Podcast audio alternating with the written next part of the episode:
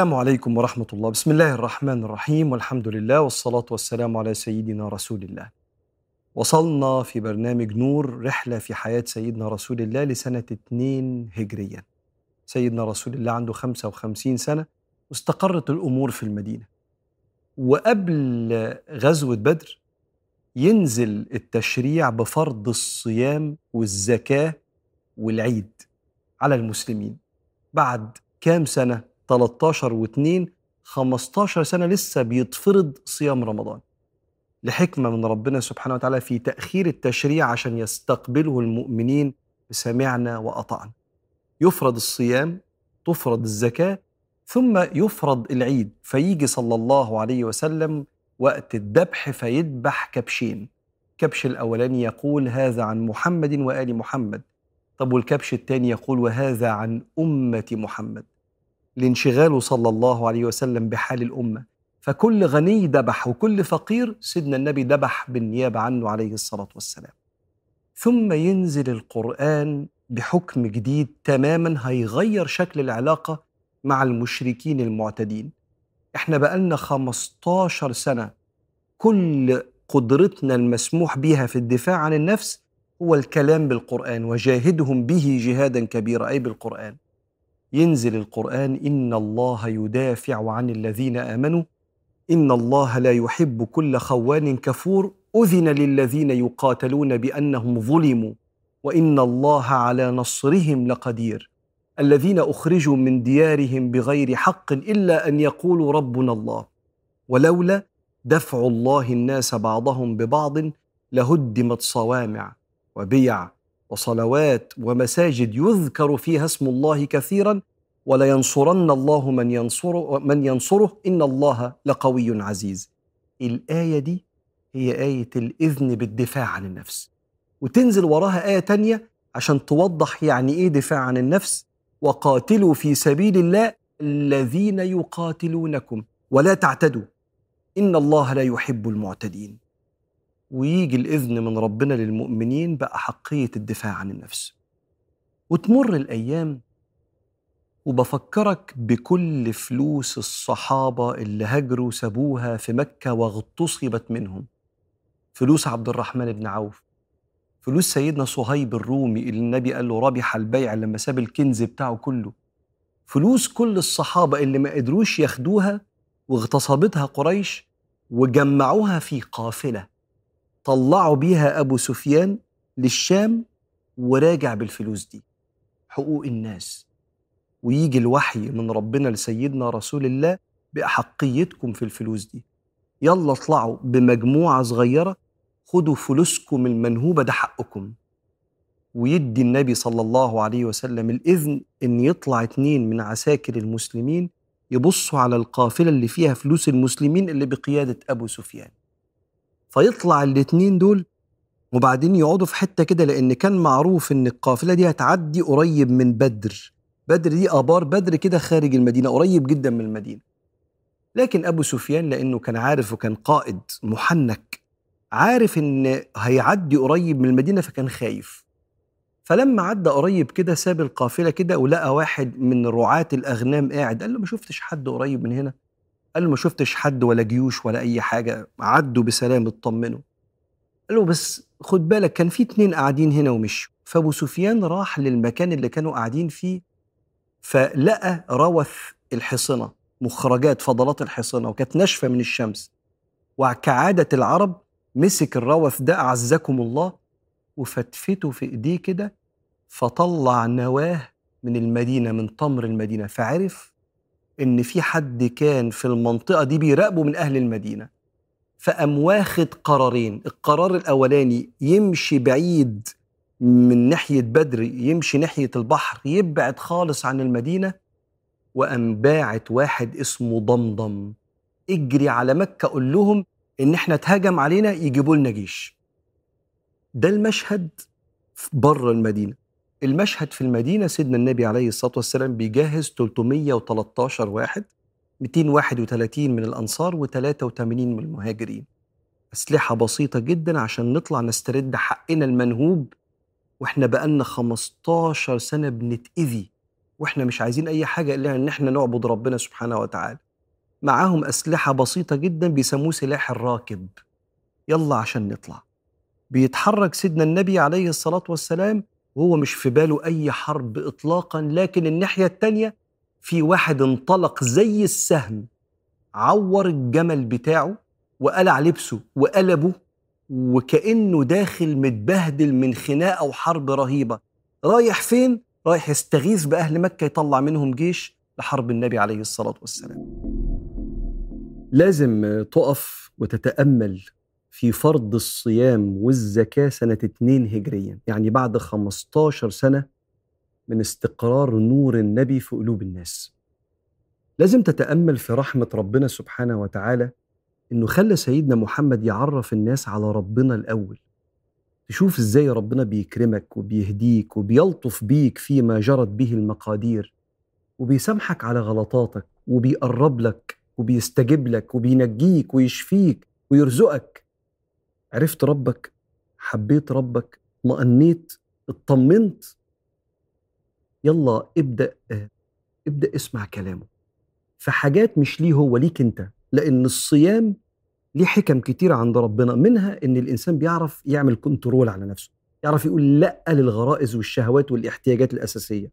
فيقدر بعد كده يقول لأ لاحتياجات تانية لما يقول للأكل والشرب لأ أغلب اليوم.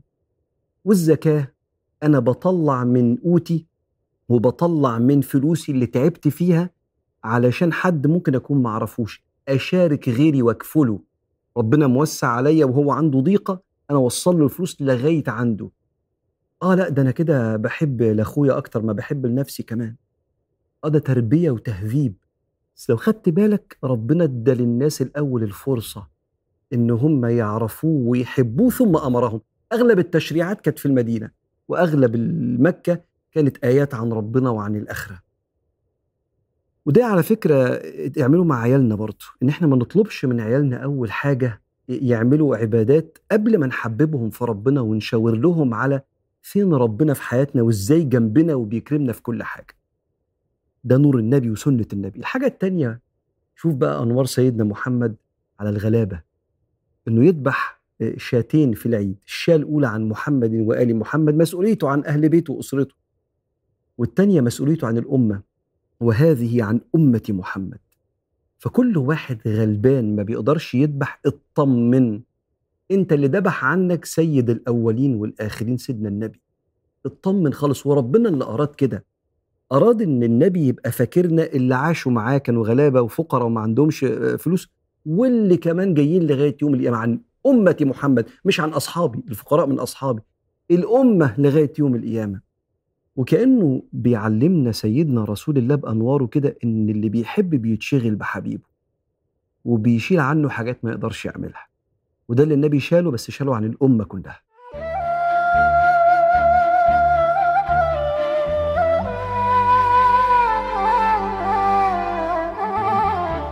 المشهد في المدينة النبي عليه الصلاة والسلام بيجهز مجموعة صغيرة لاسترداد فلوسهم المنهوبة.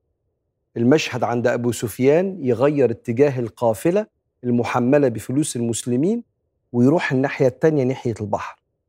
المشهد في مكة في في الطريق واحد اسمه ضمضم جاي يقول الحقونا مصيبة في جيش بيهجم على القافلة اللي فيها فلوسنا.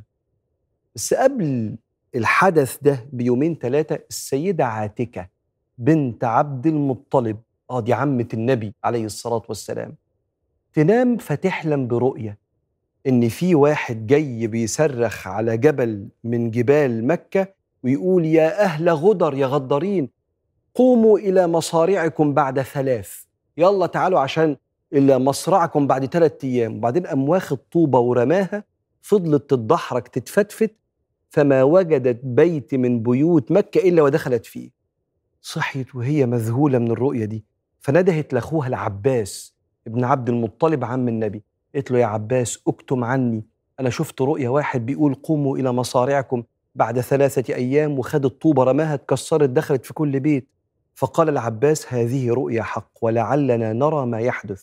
فقالت له اكتم عني. فراح العباس يطوف بالبيت فلقى صاحبه الوليد بن عتبة بن ربيعة. فقال له اكتم عني هذه الرؤية دعاتك شافت كذا وكذا والطوبة اللي بتتكسر وتخش في كل بيت اكتمها عني. فراح الوليد بن عتبة بن ربيعة حكى لأبو جهل وقال له اكتمها عني. فلم يمر ساعات قليلة إلا وكل مكة تلوك. تلوك يعني زي اللبانة كده. هذه الرؤية. فالعباس بن عبد المطلب بيطوف بالكعبة وأبو جهل قاعد عمال يتكلم كده في موضوع الرؤية بتاعت عاتكة بنت عبد المطلب مع أصحابه. شاف العباس قال يا أبا الفضل أفرغ من طوافك ثم أتي لنا. فخلص طوافه وجه. قال يا أبا الفضل منذ متى وفيكم نساء تنبأ؟ منين وانتوا عندكم أنبياء ستات؟ قلتم أن منا رجل نبي محمد. خلاص سبناكم لكن كمان تقولوا عندنا نبي ست. قلتم أن فيكم رجل فتركناكم. والآن تقولون منا نبية والله يا عباس كما تقول الرؤيا لو لم يظهر لها نهار بعد ثلاثة أيام لنكتب كتابا ننشره بين العرب أن بني عبد المطلب أكذب أهل الأرض. هنفضحكم. فبيقول بصيت له كده ولم أرد عليه. فرجع سيدنا العباس لديار بني عبد المطلب والنساء بتقول له أنت ليه ما ردتش عليه؟ تركته يجيب سيرتنا وسيرة نسائنا وما ردتش عليه. قال حتى امتلأت بالغيظ. ونمت وصحي تاني يوم. لما صحي تاني يوم قلت أبحث عن أبي جهل حتى أشفي غضبي مما قال. وأنا رايح له بقرب منه فلقيته بيجري بسرعة فقلت في نفسي أكل هذا خوفا مني؟ بعدين سيدنا العباس بيقول ولكنه قد سمع ما لم أسمع. وإيه اللي حصل؟ جه ضمضم كان وصل في اليوم الثالث وعدت الأيام ووصل قبل ما يخلص اليوم الثالث عمال يقول الغوث الغوث الحقونا اللطيمة اللطيمة. اللطيمة يعني الجمال المحملة بالبضائع القافلة اللطيمة اللطيمة الغوث الغوث. محمد قد أغار على القافلة. وده المشهد. فإذا بقريش تتجهز. تتجهز بإيه؟ بألف مقاتل. يا نهار أبيض! ألف مقاتل عشان يروحوا يحاربوا سيدنا النبي عليه الصلاة والسلام. والنبي لسه بيتجهز عشان بس ياخد الفلوس المنهومة منهم. وهيبدأوا يتحركوا لكن كان في كام واحد من قريش كده خايفين. على رأسهم أمية بن خلف اللي كان بيعذب سيدنا بلال. خايف يطلع لأنه عارف كويس قوي هو عمل إيه في الناس وأذى الناس إزاي. فكان قاعد كده فجه صاحبه عقبة بن أبي معيط. يا نهار أبيض عقبة اللي كان بيرمي على النبي أمعاء الجمل واللي خنق النبي عليه الصلاة والسلام بثيابه وهو بيصلي حتى سقط واللي عمل حاجات كتير قوي قام جاي لصاحبه أمية بن خلف وقام جايب له شوية بخور وحطه جنبه كده وقال تبخر. فإنما أنت من النساء. عارف الواحد يقول راجل يلا يا حلوة خليكي قاعدة مع البنات وبيتكلم راجل. تبخر فإنما أنت من النساء. فاغتاظ وقال والله لأخرجن. هو اللي استفزه عشان يخرج. وهقول لك بعد كده إيه اللي حصل. عارف مين خاف يخرج كمان؟ أبو لهب. وقام جايب واحد من الناس اللي عليه دين ليه. قال له أنا هسد عنك الدين ده خلاص هدفعه لنفسي واخرج أنت مكاني. دلوقتي المشهد قريش بتجهز الجيش الألف وسيدنا النبي عليه الصلاة والسلام في ال 314 ويبدو إن في حاجة في أمر الله هتحدث. في شوية تفاصيل في قصة عقبة بن أبي معيط. لما جاب البخور وحطه قدام أمية بن خلف وقال له تبخر فإنما أنت من النساء. يلا عارف يلا يا حبيبتي خليكي قاعدة مش هتطلعي مع الرجالة عشان تحاربي تستفزوا في حاجة في القصة دي حصلت قبلها. عقبة بن أبي معيط ده كان هيؤمن بالنبي عليه الصلاة والسلام وانجذب للنبي جدا. وكان أبي ابن خلف أخو أمية صاحب القصة بتاعت النهاردة أخو أمية بن خلف. أبي بن خلف ده اللي مسك العظمة كده وفشها كده بقت بودرة وقال النبي من يحيي العظام وهي رميم. أمية بن خلف أخوه اللي كان بيعذب سيدنا بلال بالطوبة الصخرة الكبيرة. رجع أبي بن خلف من سفر لقى عقبة باين عليه أثر الإنجذاب للنبي والخشوع. قال له إيه ده؟ وأنت ليه عازم محمد عندك في البيت؟ قال له بس يعني بقى بناكل مع بعض كده. قال له والله وجهي من وجهك حرام. إن لم تذهب إليه فتطأ عنقه. دوس على صلى الله عليه وسلم رقبته الشريف. أو وتبصق في وجهه الشريف. قال له طيب حاضر أنا آسف حقك عليا يا صاحبي. وراح عمل كده واتقلب عقبة بن أبي معيط لأكتر واحد كان بيؤذي النبي عليه الصلاة والسلام. وتلف الأيام ويجي أمية أخو أبي. سر الفساد ده. مش عايز يطلع فيجي عقبة يقول له يلا يا حبيبتي اقعدي واستريحي تبخري أو تبخر فإنما أنت من النساء. فيستفز فيه. طب أنا هطلع بقى أحارب مع المشركين ضد النبي عليه الصلاة والسلام. ينزل القرآن. إن الناس دي يوم القيامة ده حالهم ويوم يعض الظالم على يديه. يقول يا ليتني اتخذت مع الرسول سبيلا. ده أمي ده عقبة بن أبي معيط. يا ليتني اتخذت مع الرسول سبيلا. يا ويلتى ليتني لم أتخذ فلانا أبي بن خلف خليلا. لقد أضلني عن الذكر بعد إذ جاءني. وكان الشيطان للإنسان خذولا الشيطان هو اللي بيقرب الناس من بعض الوحشين. الناس الشرانيين. ولو حد بدأ كده يبقى عنده شوية خير هاتوه تاني لمنطقة الشر والأذية. ده يخليك تاخد بالك قوي من قلبك ويخليك تاخد بالك قوي اللي بيحبك ينصحك يقربك من كل خير. واللي ما بيحبكش لما يجي غلط هيشدك معاه اللي بيحبك لما يغلط هيغلط لوحده هو ضعيف هيغلط لوحده. شأنه مع ربنا. ولو قال لك تعالى معايا يبقى عايز يطمن على نفسه إن في حد معايا فأنا مش الضايع الوحيد. فخد بالك لأن يوم القيامة تبقى الخناقة كبيرة بين كل واحد بيضل الناس وكل واحد سمع كلامه.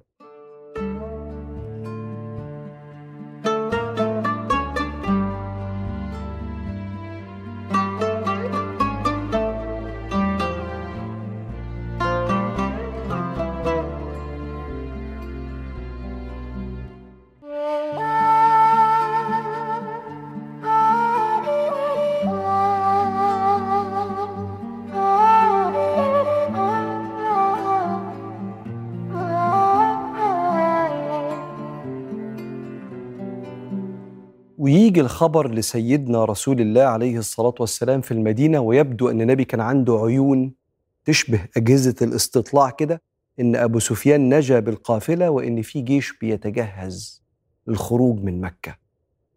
فبدأ صلى الله عليه وآله وسلم يغير الخطة تماما. أصبحت حرب. فأول حاجة عملها صلى الله عليه وسلم جهز جهز نفسه بالموجود والمستطاع. كان معاهم قد إيه؟ كان معاهم كل ثلاثة بيتعاقبوا على جمل.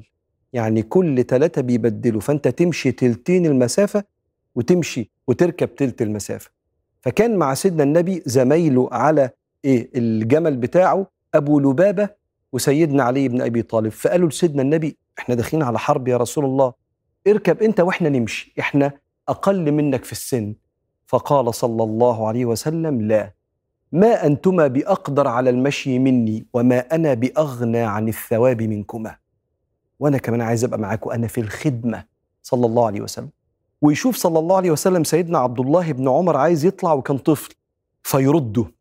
وما يدوش الإذن. إحنا الأطفال ما تطلعش في حاجة زي كده. مش بنستغل الأطفال في حاجة زي كده. يقول فبت بشر ليله كانت أصعب ليله عليا لما سيدنا النبي رديهم وأنا نفسي إن أنا أحارب معاهم ودافع عنهم. طب إحنا معانا كم فرس؟ معانا حصانين. حصان مع مرثد بن أبي مرثد وحصان مع الزبير بن العوام. والحرب كلها على رجلينا. بس معانا حصانين. كأنه جيش فيه عربيتين بس. مين ما طلعش الغزوة دي؟ ما طلعش سيدنا عثمان بن عفان. جوز السيدة رقية. ليه؟ لأن السيدة رقية عيت عيا شديد. فسيدنا النبي قال له ما تطلعش معانا وخليك جنب مراتك. ده وقت السند والدعم والعون. وقعد سيدنا عثمان وساب الجهاد في سبيل الله للجهاد الأولى اللي وصاه بيه النور صلى الله عليه وسلم وبيقول له خليك جنب مراتك. ما طلعش سيدنا سعد بن عبادة سيد من سادات الأنصار ليه؟ لدغته حية فكان قاعد بيطبب بيتعالج ما طلعش حذيفة بن اليمان وأبوه ليه؟ عشان وعد قديم وعدوه لمكه مكة دول مشركين. هو إحنا هنوفي وعدنا مع المشركين؟ طبعا. وهم خارجين يهاجروا من مكة للمدينة من سنتين مسكوهم مش هتروحوا لمحمد. فقالوا لهم سيبونا نروح للنبي ووالله لا ننصره عليكم مش هنبقى واقفين في حرب ضدكم. فراحوا للنبي يا رسول الله إحنا من سنتين ما سابوناش إلا لما وعدناهم إن إحنا مش هنطلع ضدهم. فقال صلى الله عليه وسلم وشوف قيم النبي وكيف لا نتنازل عن القيم ابدا من أجل أي منافع. قال لهم وفوا إليهم عهدهم ونستعين الله عليهم. نوفي العهد إحنا كلمتنا ما تنزلش الأرض وربنا يعيننا إن شاء الله. وسيدنا النبي عليه الصلاة والسلام استخلف سيدنا عبد الله بن أم مكتوم الكفيف علشان يبقى مكانه في المدينة يؤذن للناس ويصلي بالناس ويقعد النبي قبل ما يتحرك صلى الله عليه وسلم يقول أشيروا علي أيها الناس. إحنا جهزنا بس هنعمل إيه؟ الموضوع اختلف. فسيدنا أبو بكر قال له إحنا معاك يا سيدنا النبي وسيدنا عمر قال له إحنا معاك يا سيدنا النبي. قال أشيروا علي أيها الناس. فقام سيدنا المقداد بن عمرو وكان برضه من المهاجرين قال يا رسول الله والله لا نقول لك مثل ما قالت بنو إسرائيل لموسى اذهب أنت وربك فقاتلا إنا ها هنا قاعدون. ولكن نقول اذهب أنت وربك فقاتلا إنا معكما مقاتلون. والله لو خط بنا برك الغماد لخضناه معك ما تخلف منا أحد. دي منطقة خطر جدا وفيها قبائل معادية. إحنا مستعدين نروح في أي حتة معاك. فقال صلى الله عليه وسلم الحمد لله ولكن اشيروا علي أيها الناس. فأم سيدنا سعد بن معاذ سيد الأنصار قال لكأنك تريدنا يا رسول الله. قال نعم. الأنصار 231 والمهاجرين 83 فالجيش أكبر من الأنصار. فقال يا رسول الله لقد جئتنا بالحق. فآمنا بك وصدقناك وأعطيناك العهود والمواثيق أن نحميك مما نحمي منه أنفسنا ونساءنا وأولادنا. والله يا رسول الله لو خط بنا البحر يعني لو دخلت بنا في المية الغريقة لخضناه معك ما تخلف منا أحد. ووالله يا رسول الله لتجدننا صبر عند الحرب صدق عند اللقاء محدش هيدي ظهره أبدا. فاستبشر النبي صلى الله عليه وسلم من كلام المهاجرين واستبشر من كلام الأنصار وقال أبشروا فإن الله وعدني إحدى الطائفتين إما النصر لو حصلت حرب وإما العير فلوسنا اللي اتنهبت مننا. بالنسبة لي موقف سيدنا حذيفة بن اليمان هو وأبوه إنه ما طلعوش في غزوة بدر لأن النبي قال لهم كده ده بالنسبة لي من أغرب مواقف السيرة وأحبها القلب وأكثرها نورا. دول مشركين كفار بيحاربونا وعددهم ثلاث أضعافنا. وإحنا محتاجين كل راجل. بس إحنا قيمنا أكبر من ده كله. إحنا مش بنبيع قيمنا عشان مصالحنا ومنافعنا. يا رسول الله وأنا طالع من من المكة للمدينة مسكونة قلنا لهم سيبونا نروح للنبي وإحنا مش هنحارب معاه ضدكم. أصلا هم معتادين إن هم يمسكوكوا براحتكم تروحوا في الحتة اللي أنتوا عايزينها بتفروا بدينكم. فالموضوع من الأول غلط بس أنت طلعت كلمة من بقك. والرجالة أي حد سوي راجل كان ولا ست بيتربط من لسانه. فلما يقولوا لهم مش هنحارب مع النبي ضدكم سيدنا النبي يكبر الكلمة دي. لأن البني آدم بيحترم نفسه لما يحترم كلمته. يعني أنت لما توعد بوعد وبعدين تخلفه معلش يعني أتكلم عن نفسي يعني لو خلفته أبقى زي العيل كده أبص لنفسي في المراية احس إن أنا صغير قدام نفسي. صورتي قدام نفسي تبقى قله لأن أنا كنت أضعف وأجبن من التزامي بكلامي. وبالمناسبة البني آدم سمعته بتبقى وحشة وهو بقاش واخد باله إن سمعته وحشة سبب إن هو فنجري بق بيقول أي كلام. فأول ما يقول حاجة الناس تقول لك يا عم ما دام هو اللي قال مش هتحصل. بسبب التاريخ بتاعه. سيدنا النبي يقول له لا. يقول له وفي إليهم عهدهم ونستعين الله عليه آه لا ده دي أنوار كبيرة قوي في حياتنا. تعرفك يعني إيه بني آدم يتعاشر وتتمنى قربه غير اللي ما عندوش كلمة تتمنى فراقه. حاجة أخيرة في استشارة النبي وهم طالعين غزوة بدر أشيروا علي أيها الناس. مين اللي يشير عليك يا سيدنا النبي؟ حضرتك تؤمر بوحي وإحنا ننفذ. بيربي رجالة. بيربي رجالة وبينور لنا بيوتنا وإحنا بنتعامل مع بعض. مدير في شركة اصحاب مع بعض. أب ولا أم بيربوا العيال. استشير ابنك قول له إيه رأيك نعمل إيه نرتب البيت ده إزاي؟ نجيب كنبة لونها إيه؟ إيه رأيك يا بنتي؟ لبسي حلو النهارده؟ أنت عندك خبرة في الذوق؟ 20 سنة ضعف عنها. بس أنت عايز تقول لها رأيك مهم بالنسبة لي. أحب يبقى شكلي على ذوقك أنت. عارف ده بيعمل إيه؟ ده اللي بيكون نظرة العيال لنفسها إن بابا بخبرته وماما بخبرتها بياخدوا رأيي أنا. لأ ده أنا كبير. انت بتكون حاجة عنده محدش هيعملها إلا أنت. جميل قوي أنوار النبي عليه الصلاة والسلام في كل خطوة في حياته.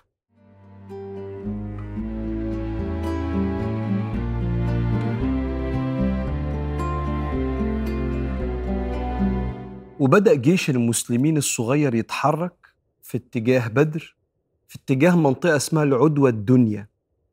وجيش المشركين وصل لمنطقة اسمها العدوى القصوى. وربنا ذكر ده في سورة الأنفال وهحكي لك دلوقتي. بس وهم ماشيين جيش المسلمين صغير ما كانوش عاملين حسابهم. ده إحنا طالعين علشان ناخد فلوسنا المنهوبة. والموضوع حصل فجأة لما عرفوا إن القافلة قربت من المدينة. ففي ناس كتير اللي كان في التجارة واللي كان خارج المدينة. فبعض المسلمين خافوا وما حبوش إن هم يقابلوا جيش العدو وهم مش جاهزين. وبدأوا يجادلوا سيدنا النبي عليه الصلاة والسلام ويقولوا له يا رسول الله ما نحن بأقدر على قتال قريش وينزل القرآن. كما أخرجك ربك من بيتك بالحق وإن فريقا من المؤمنين لكارهون. يجادلونك في الحق بعدما تبين كأنما يساقون إلى الموت وهم ينظرون. وإذ يعدكم الله إحدى الطائفتين أنها لكم يعني الحرب الانتصار أو العير فلوسكم المنهوبة. وإذ يعدكم الله إحدى الطائفتين أنها لكم وتودون أن غير ذات الشوكة تكون لكم. مش عايزين تواجهوا المشركين الحرب ذات الشوكة فيها ألم يعني. ويريد الله أن يحق الحق بكلماته ويقطع دابر الكافرين ليحق الحق ويبطل الباطل ولو كره المجرمون. ويثبت الصحابة بكلام ربنا سبحانه وتعالى ويعرفوا أن المدد معاهم.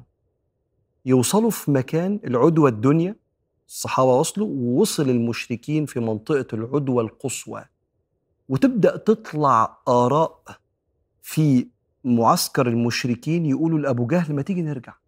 خلاص العير اللي هي القافلة نجت ليه نحاربهم؟ وبعدين دول شكلهم عددهم قليل يعني مش هيبقوا خايفين على نفسهم خالص. العدد القليل ده بيقاتل لغاية آخر لحظة. فحتى لو قتلناهم كلهم لما نقتل حد منهم هيقتلوا مننا حد. طب ليه؟ خلاص. الموضوع اللي كنا طالعين عشانه خلاص نجا. فنرجع. فقال أبو جهل أبدا والله لنمكثن هنا فنوقد النيران وتعزف القينات تقوم الستات ترقص ونشغل المزيكا ونوقد النيران فتنظر إلينا العرب فلا يزالون يهابوننا. وينزل القرآن ولا تكونوا كالذين خرجوا من ديارهم بطرا ورئاء الناس ويصدون عن سبيل الله. خارج كبر مش لنصرة قضية ولا حق. وشوية ويدعي النبي صلى الله عليه وسلم اللهم إنهم حفاة فاحملهم عراه فاكسهم جياع فأشبعهم. وشوية وتحصل أحداث فيها عون من ربنا بتسخير الأكوان لمدد النبي والصحابة. ينعس الصحابة يجي لهم كده إيه يناموا كده ويستريحوا كده شوية. ده وقت نوم. أيوه ما هو النوم ده أمان بيغير مود الإنسان وحالته بيغير أفكاره بتصحى بافكار مختلفة. وبعدين لما ناموا بعضهم صحي محتلم. فجت في بالهم أفكار من الشيطان إزاي هنحارب وإحنا محتلمين؟ وبعدين مفيش مية تكفي للاغتسال طب هنعمل إيه؟ فقامت ممطرة الدنيا. واسمع ربنا بيقول في القرآن في سورة الأنفال إذ يغشيكم النعاس أمنة منه وينزل عليكم من السماء ماء ليطهركم به ويذهب عنكم رجز الشيطان أفكار الشيطان. وليربط على قلوبكم ويثبت به الأقدام. المكان اللي النبي فيه لما نزلت فيه المطرة ثبتت الأقدام والرملة نشفت.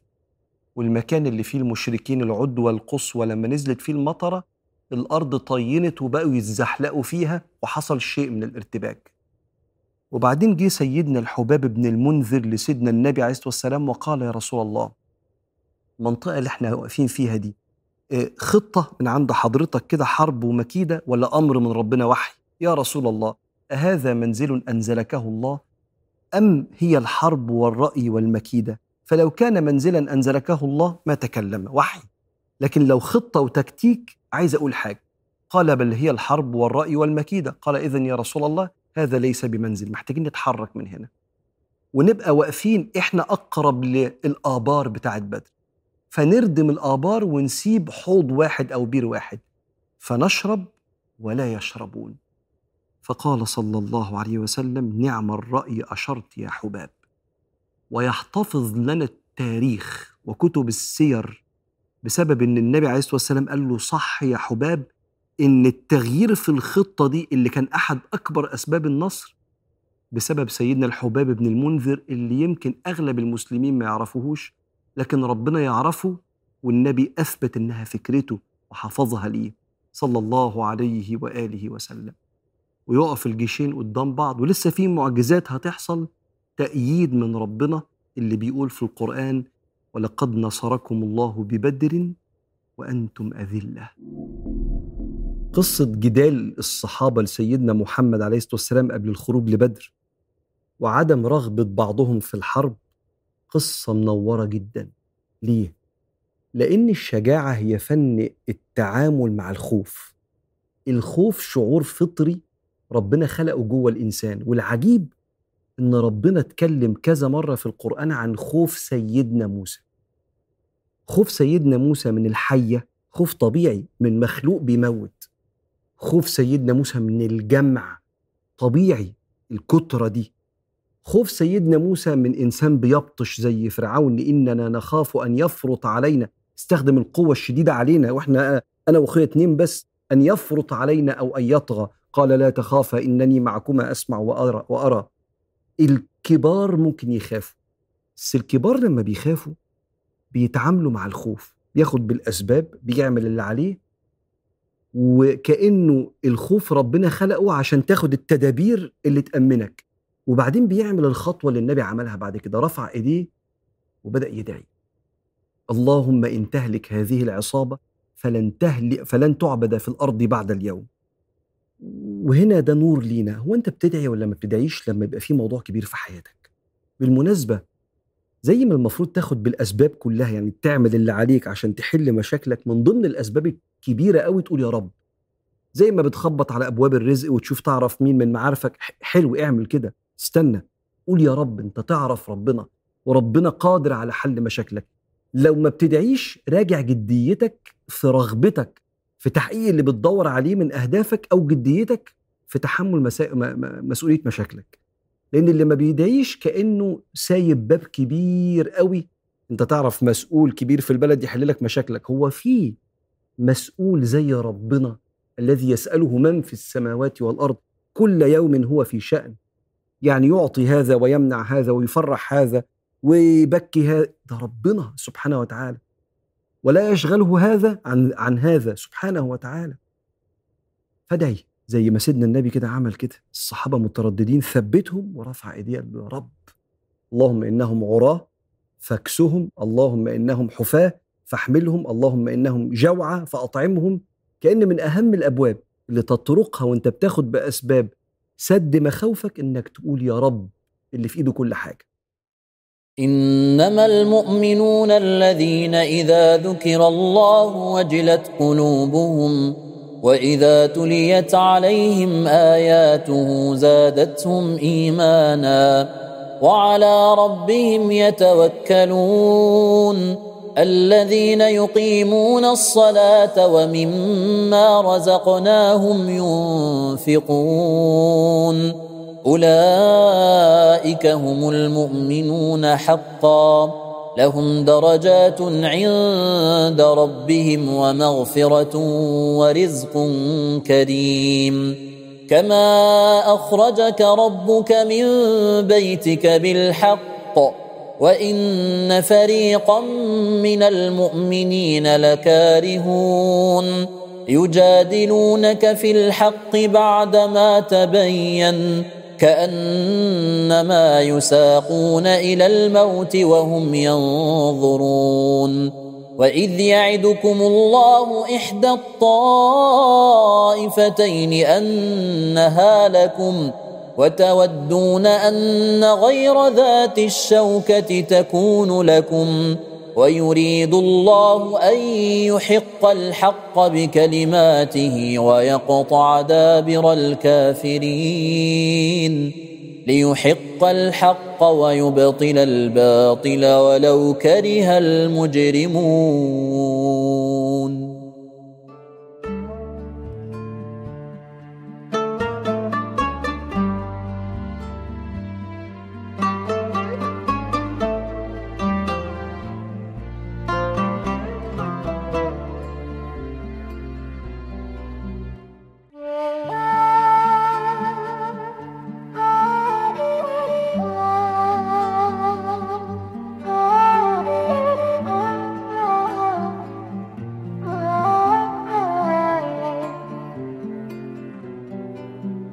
الصحابة عرفوا سيدنا النبي عليه الصلاة والسلام كريم جدا في المعلومات.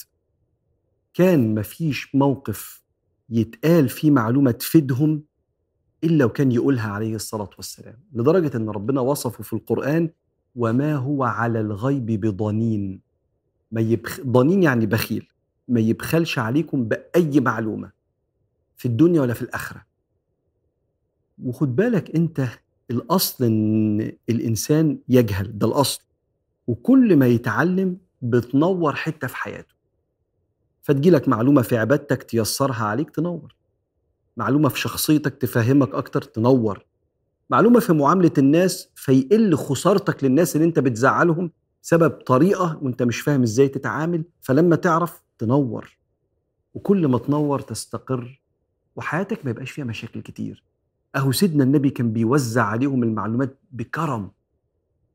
ودايما الإنسان الكريم اللي يحب يشوف الناس زيه وأحسن منه تلاقيه دايما بيبقى إيه اللي عندي وأنا اديهولك تلاقيها من الأب والأم مع العيال بتوعهم كده عايز يشوفك أحسن مني. طبعا ما فيش حد هيبقى أحسن من النبي بس النبي عايزك يشوفك في أحسن نسخة من شخصيتك.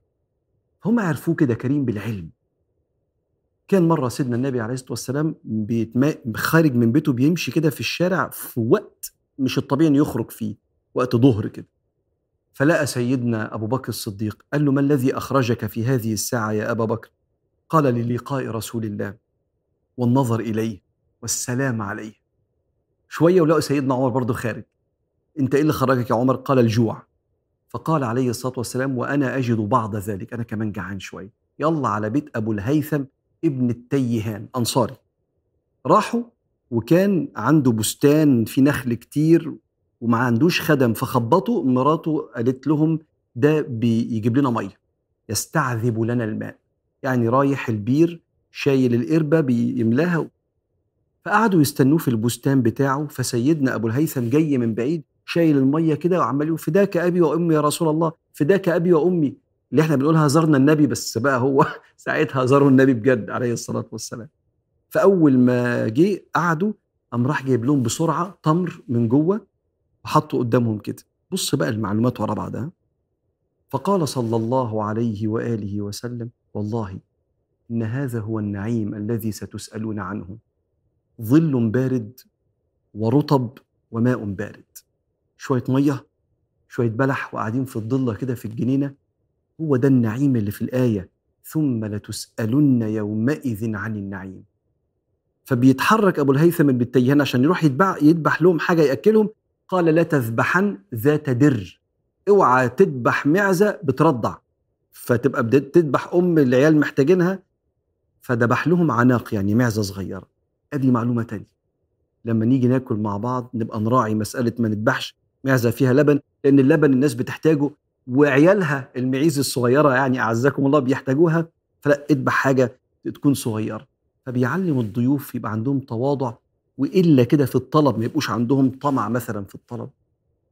فأول معلومة آدي النعيم اللي محتاجين نشكر ربنا عليه شوية الضلة والتمر شوية المية. تاني معلومة تاكل إيه وما تاكلش إيه وخد بالك وأنت بتضايف الناس واحدة واحدة. ما تنساش المعيز الحيوانات اللي محتاجين لأمهم. وبعدين بعد شوية سيدنا النبي بيسأل أبو الهيثم بن التيهان بيقول له أنت ما عندكش خدام صح؟ محدش بيخدمك. قال له لا. قال له هجيب لك. فبعد شوية جاب له النبي اتنين خدام. قال له اختار الأنسب. قال له اختار لي انت يا رسول الله. قال اذا المستشار مؤتمن. على فكرة دي قاعدة مهمة جدا في النصح. لما حد يجي ينصحني كلمة النبي دي بتخليني ما أقولش أي معلومة إلا المفيدة للي بيستشيرني. لأن صارت أمانة. لما تيجي تقول لي أعمل إيه في الموضوع ده؟ لو ما أعرفش أقول ما أعرفش. ولما أجي أنصحك ما افكرش في الأنسب بالنسبة لي. الأنسب بالنسبة لك أنت اللي بتسألني. لأن النبي قال المعلومة دي. شوف الكرم المستشار مؤتمن. وبعدين قام النبي قام قايل كل ده الصحابة بيسمعوا. قام قايل له اختار ده فإني رأيته يصلي. خد الخادم ده. ده شفته بيصلي. واستوصي به خيرا. أدي معلومة كمان. كأنه بيقول له بلاش الطريقة بتاعت الناس اللي بتزعق للناس اللي بتساعدهم في البيوت وبتبهدلهم وبتشتمهم استوصي به خيرا. فلما راح سيدنا أبو الهيثم ابن, التيهان وورى مراته إن النبي جاب له خادم وقال لي استوصي به خيرا. قالت والله يا أبا الهيثم ما أرى إلا أن تعتقه. لو النبي وصاك خير إيه أخير حاجة تتعمل؟ قول له أنت حر لوجه الله بس خلاص. القصة عاملة إزاي؟ كلها معلومات ونفع. أنت خارج مع النبي تاكله لقمة رجعت بالنعيم اللي هتتسأل عنه ورجعت بالمستشار مؤتمن ورجعت لا تذبحن ذات در ورجعت بقعدة. انت بتتغير. لو قعدت قاعدة مع النبي فهم عرفوه كريم في العلم كده. ومرة من المرات كان النبي بيحج في حجة الوداع فست رفعت له ولد كده قالت له هو ده ينفع يحج؟ الطفل الصغير ده زي ما انت بتشوف الحرم كده عيال صغيره لابسة الإحرام قال لي هذا حج؟ قال نعم ولك أجر. يعني لو انت شايلة ابنك ولا دفعتي له تذكرة الطيارة وراح يحج معاكي هو لسه تحت سن البلوغ. انت الحجة دي كلها في ميزان حسناتك. فكأنك حجتي مرتين ولك الأجر. وده بيسموه جواب الحكيم. مش قال لها آه ينفع يحج. نعم ولك أجر. اللي هو المعلومة اللي هي محتاجاها كمان. نفس جواب الحكيم ده لما ناس جت لسيدنا النبي قالت له يا رسول الله إنا نركب البحر. وليس معنا ماء يكفي للوضوء. لو اتوضينا مش هنشرب ما عندناش مية عذبة والبحر ميته مالحة. أفنتوضأ بماء البحر؟ قال نعم. هو الطهور ماؤه الحل ميتته. مش آه اتوضى بس تمام كده. شكرا يا سيدنا النبي. السلام عليكم. لا. ده أنا هقول لك كل المعلومات المرتبطة بالبحر اللي تنفعك. عشان في كرم في العلم.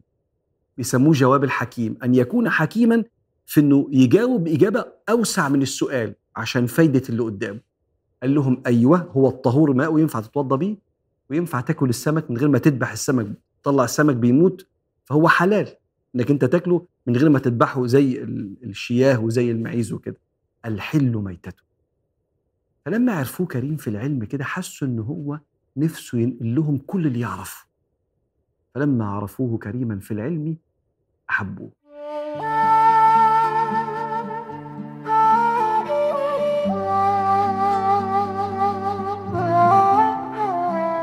من ضمن العبادات أفعال لا تتصور أنها عبادات. زي دخول الخلاء. دخول الخلاء ده والنوم. يعني إيه العبادة اللي في دخول الخلاء؟ هو ربنا خلقنا كده. خلقنا لما بناكل بنحتاج نخرج فضلاتنا. فإحنا بنتعبد ربنا. بنمتثل لقدر الله فينا. وبنخش الحمام. ودخول الحمام ده ليه سنة. يعني سيدنا النبي عليه الصلاة والسلام علمنا لما نخش الحمام إزاي الإنسان يكون قلبه مع الله سبحانه وتعالى. لأن طول ما أنا في ملك الله وفي دنيا ربنا أنا عبد لله. ما بتنفسش نفس إلا وأنا بقول يا رب أنا عبد ليك. حتى في كده عشان كده ما تستغربش إن العلاقة الزوجية الحميمية بين الراجل والست فيها دعاء. لأن حتى هذه الشهوة الإنسانية الجسدية لما بتكون في الحلال بتبقى عبادة ويؤجر عليها الإنسان. إحنا تفكيرنا كده في حياتنا وده اللي علمه لنا سيدنا محمد ونور لنا طريقنا بيه عليه الصلاة والسلام مع ربنا. فدخول الخلاء اللي هو الحمام ليه سبع سنن عايز أقول لك عليها. السنة الأولانية والذكر. إن إحنا وإحنا داخلين الحمام بنقول بسم الله. اللهم إني أعوذ بك من الخبث والخبائث. الخبث بضم الباء كده ذكور الشياطين والخبائث إناث الشياطين. لأن الحمام فيه التواليت اللي هو منطقة بيكون فيها نجاسات فبيبقى المنطقة دي ممكن يكون بيحضرها الجان أو الشياطين. مش هيأذيك إن شاء الله ولا هيعمل لك حاجة بس ربنا بيعلمنا ألا يرى الشيطان منك عورة احتراما ليك وحياء منك إن ما حدش يشوفك حتى العوالم الغيبية. عشان كده انت لما بتقول بسم الله كما قال صلى الله عليه وسلم ذاك حجاب وستر لك عن الشيطان أو كما قال عليه الصلاة والسلام. فأنت بتقول بسم الله اللهم إني أعوذ بك من الخبث والخبائث. السنة كمان في الذكر وأنت خارج مش بس وأنت داخل ده وأنت داخل وأنت خارج ده في ذكر دخول وخروج الخلاء. كان النبي عليه الصلاة والسلام إذا خرج من الخلاء من الحمام يعني في عصرنا دلوقتي ليه ذكرين الذكر الأول الحمد لله الذي أذهب عني الأذى وعافاني. إنك أنت المخرجات دي أذى بيخرج من جسمك. عافية وصحة. فالحمد لله الذي أذهب عني الأذى وعافاني. وفي ذكر تاني مشهور وأنت طالع من الحمام قول غفرانك. ثلاث مرات. غفرانك غفرانك. فدي أول سنة من السنن ذكر الدخول والخروج.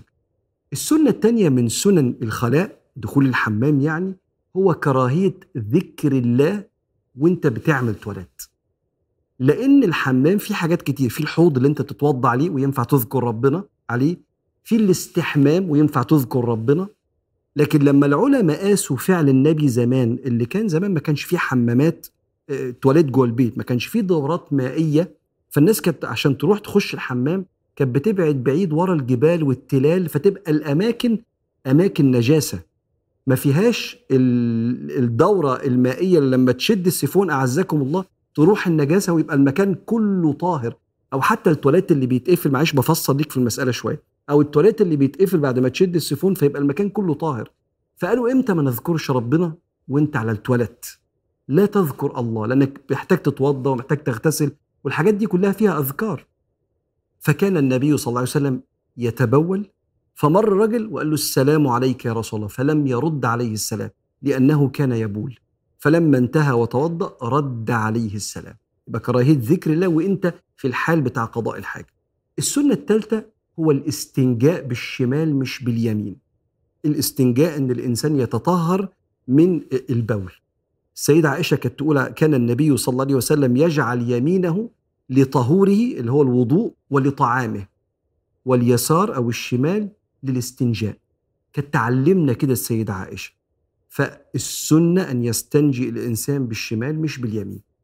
السنة الرابعة إنك أنت تحاول تستتر من الناس. تقول لي إحنا كلنا بنخش الحمامات بنقفل علينا. آه دي من نعمة ربنا. لكن ساعات بعض الناس بيحتاج إن هو لما يتزنق في الصحراء ولا ايا كان استتر. حياء. حياء وحفظا لنفسك ولكرامتك. وحافظ على ده وبالمناسبة دولنا العربية الإسلامية الموضوع ده الحمد لله استقر لكن لما الناس اللي بتسافر فيكم بعض الدول الأوروبية وك- وكده بيشوف إن الموضوع ده مختل جدا فكرة الاستتار في الاغتسال والاستتار في التواليت في الحمام الحمد لله اللي بعت لنا النبي عليه الصلاة والسلام. السنة رقم خمسة إن الإنسان ما يقضيش حاجته لو اضطر في مكان الناس بتمر منه. أنا عارف إن بفضل الله أغلب بيوتنا أو أغلب الناس بتبقى يعني في الحتة دي بت- بتشيك وفي الحمامات وتستنى.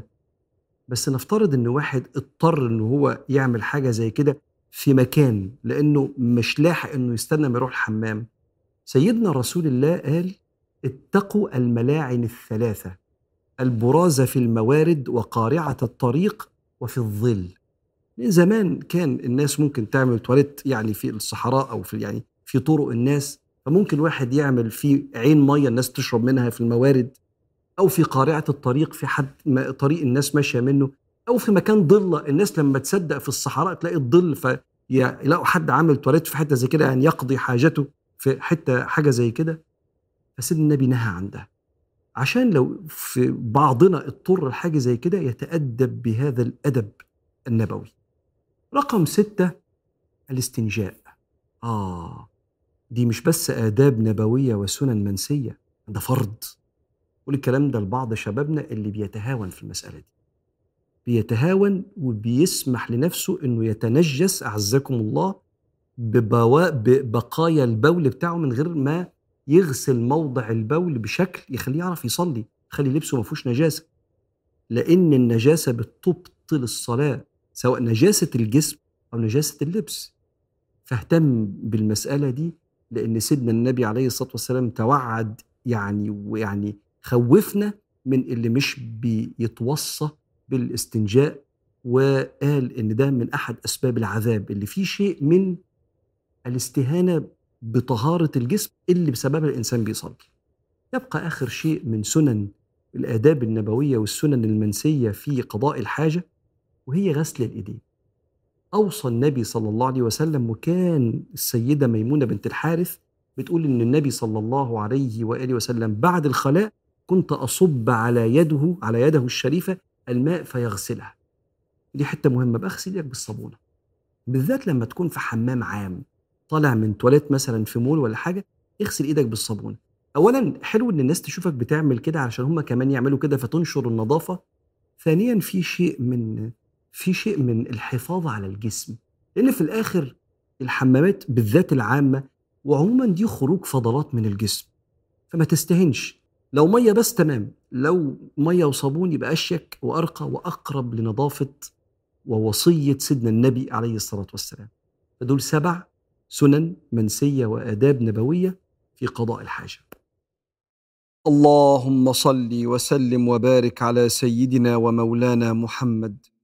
الدال عليك والموصل إليك صلاة ينفرج بها كل ضيق وتعسير وننال بها كل خير وتيسير وتشفينا بها من الأوجاع والأسقام وتخلصنا بها من المخاوف والأوهام. اللهم اغفر لنا ذنوبنا وإسرافنا في أمرنا. وثبت على عبادتك وحب نبيك وخدمة عبادك أقدامنا. وانصرنا يا مولانا على أنفسنا.